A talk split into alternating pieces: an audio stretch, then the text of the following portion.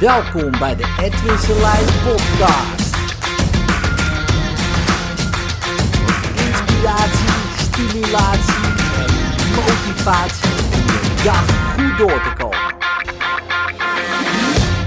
Crisis in de GGZ.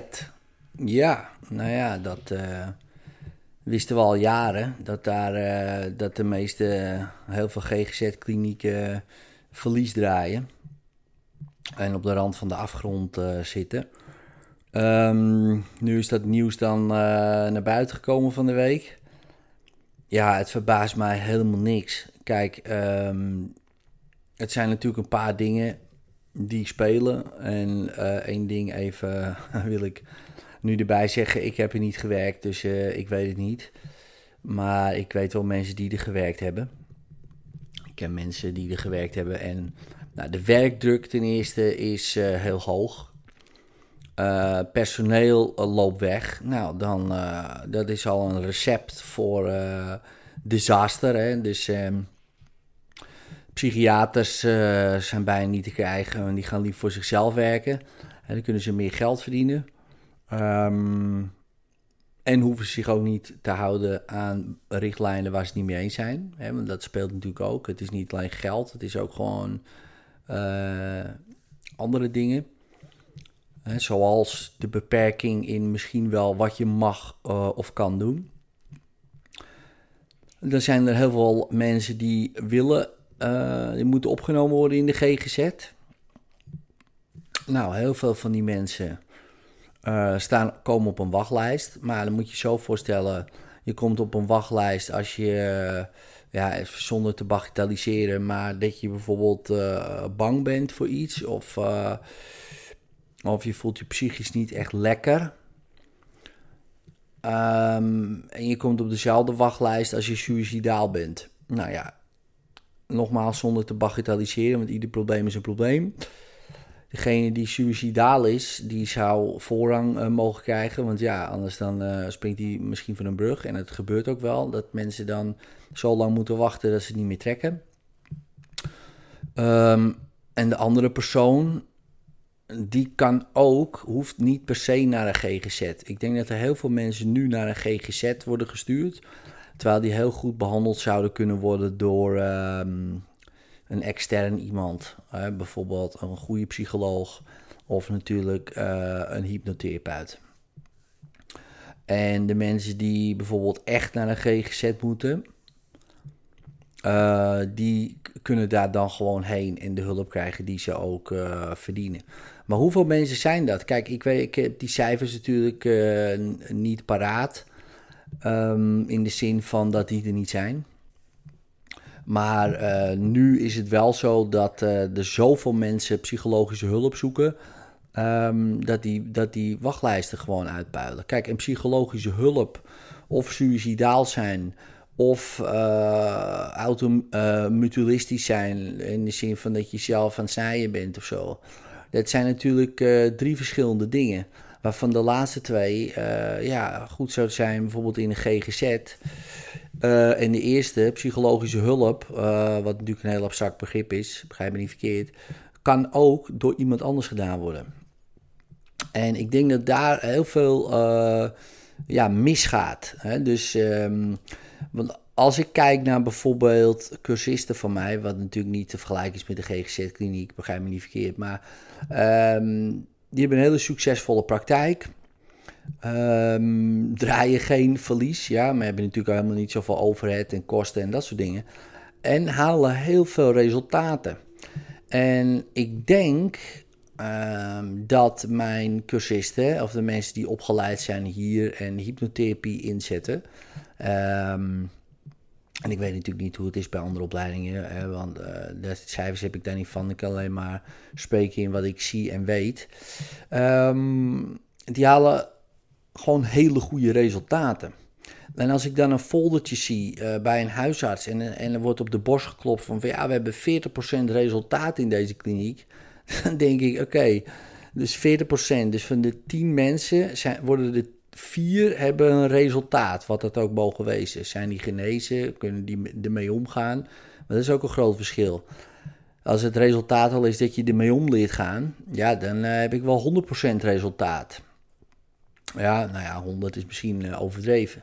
Maar laten we zeggen, genezen, dus gewoon geen last meer van. Geen last meer van een angst, geen last meer van een woede, geen last meer van dwang, geen last meer van dat ik mezelf opensnij, geen last meer, helemaal geen last meer. Depressie niet, niks. Wat is daar het resultaat van? Is dat ook 40% of zijn we dan nog minder? Is dat 20%? Is dat 10%? Of is dat 0%? Omdat mensen uh, die daar werken niet geloven dat je daarvan kan genezen. En dan kijk ik naar uh, cursisten en ook in mijn eigen praktijk. Wat natuurlijk uh, empirisch is, hè, want ja, um, dan is dat een veel hoger succespercentage. Dan mag je wel denken aan de 80%. Ja, dat gewoon van de 10 mensen die binnenlopen, dat er gewoon acht uh, gewoon met een resultaat weggaan. Ja, en als het resultaat, en dan heb ik het over het resultaat, ik heb er geen last meer van. Ja, dus ik ben genezen zou je kunnen zeggen, als je het zou zien als een ziekte, wat wij niet zien. Ja, dus dan denk ik, dus zijn een paar dingen dan aan de hand, denk ik dan. Dan heb je zo'n kliniek. Stel je voor, ik zou zo'n kliniek hebben, dan zou ik eerst kijken, oké, weet je, hebben wij wel resultaat? Want dat is waar het als eerste om gaat. Natuurlijk, je wil geld verdienen, maar je wil natuurlijk, ten eerste moeten die mensen resultaat hebben. Dus is dat goed? werken we met protocollen waarvan we resultaten halen? Nou, zo ja, prima, dan is het anders. Maar zo nee, oké, kunnen we kijken of we dat percentage op kunnen krikken en sneller ook dus in plaats van dat iemand een half jaar in de GGZ, zouden we hem in drie maanden uit die GGZ kunnen krijgen. Of binnen een maand, als we andere dingen doen. zouden we die persoon ehm, in plaats van uh, dat hij ermee om leert gaan, dat hij uh, gewoon kan genezen. Ja, gewoon dat hij er geen last meer van heeft, zonder medicijnen. Ja, lukt dat? Nou, stel je voor, Kijk, ik zou zo in een kliniek zitten. Eerst maar eens het resultaat. Uh, zo ben ik ook mijn eigen praktijk begonnen. Kijk, ik werd in het begin betaald voor basis op resultaat. Dan ga je niet iets doen wat niet werkt. Kijk, en nu worden die mensen betaald vanuit de verzekering. het, is, het hoeft niet eens te werken. Uh, als het maar bewezen is uh, dat het werkt. Ja, voor wat dan? Hè? En, en zijn er niet andere dingen die beter werken? Um, maar dat, dat is, daar is geen ruimte voor, hè? Voor, voor dat soort uh, experimenten zou je kunnen zeggen. Uh, en dat is jammer, want dat, uh, dan zie je gewoon dat de levenskwaliteit van de mensen die in de GGZ komen, ja, is vrij weinig. Want daarna ook ben je nog steeds een patiënt of zo. En je krijgt daar hele goede suggesties mee van je komt er nooit meer vanaf en het is erfelijk en dat soort bullshit. Ja, en dan ga je weg en dan voel je je shit. Nou, ik denk dat als die GGZ-klinieken, en sommigen doen het al, en die hebben ook betere resultaten, uh, hypnotherapie zouden inzetten, voor heel veel gevallen, dat de wachtlijsten letterlijk verdampen. Ja, en de mensen die echt uh, psychiatrische hulp nodig hebben, dat die het ook kunnen krijgen. En niet dat de psychiater zich moet gaan bezighouden met wat ook een hypnotherapeut gewoon kan oplossen uh, voor die mensen. Ja, want zo speel je mensen vrij. Hè? Dus mensen die, hè, bijvoorbeeld een psychiater, uh, die veel meer kennis van zaken heeft van uh, bepaalde nou ja, problemen, dat die dat ook kan inzetten. En niet dat hij moet gaan luisteren naar een traumatisch scheidingsverhaal, met alle respect. Hè? Want daar is die man niet opgeleid voor, of vrouw. Een hypnotherapeut kan dat prima oplossen voor die mensen. Ja, of, een, of een goede psycholoog.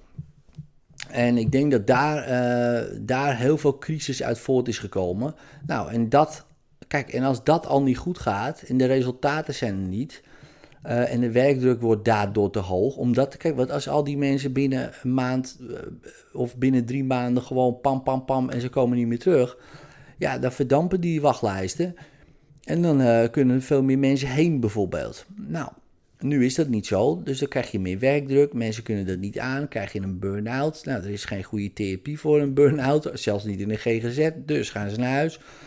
Nou, En het ene domino-steentje valt het andere. En opeens draai je verlies en opeens gaat het slecht. En ik denk, het gaat niet opeens slecht. Je gebruikt gewoon methodes die gewoon slecht werken. En dat triggert allerlei effecten. En dat is jammer.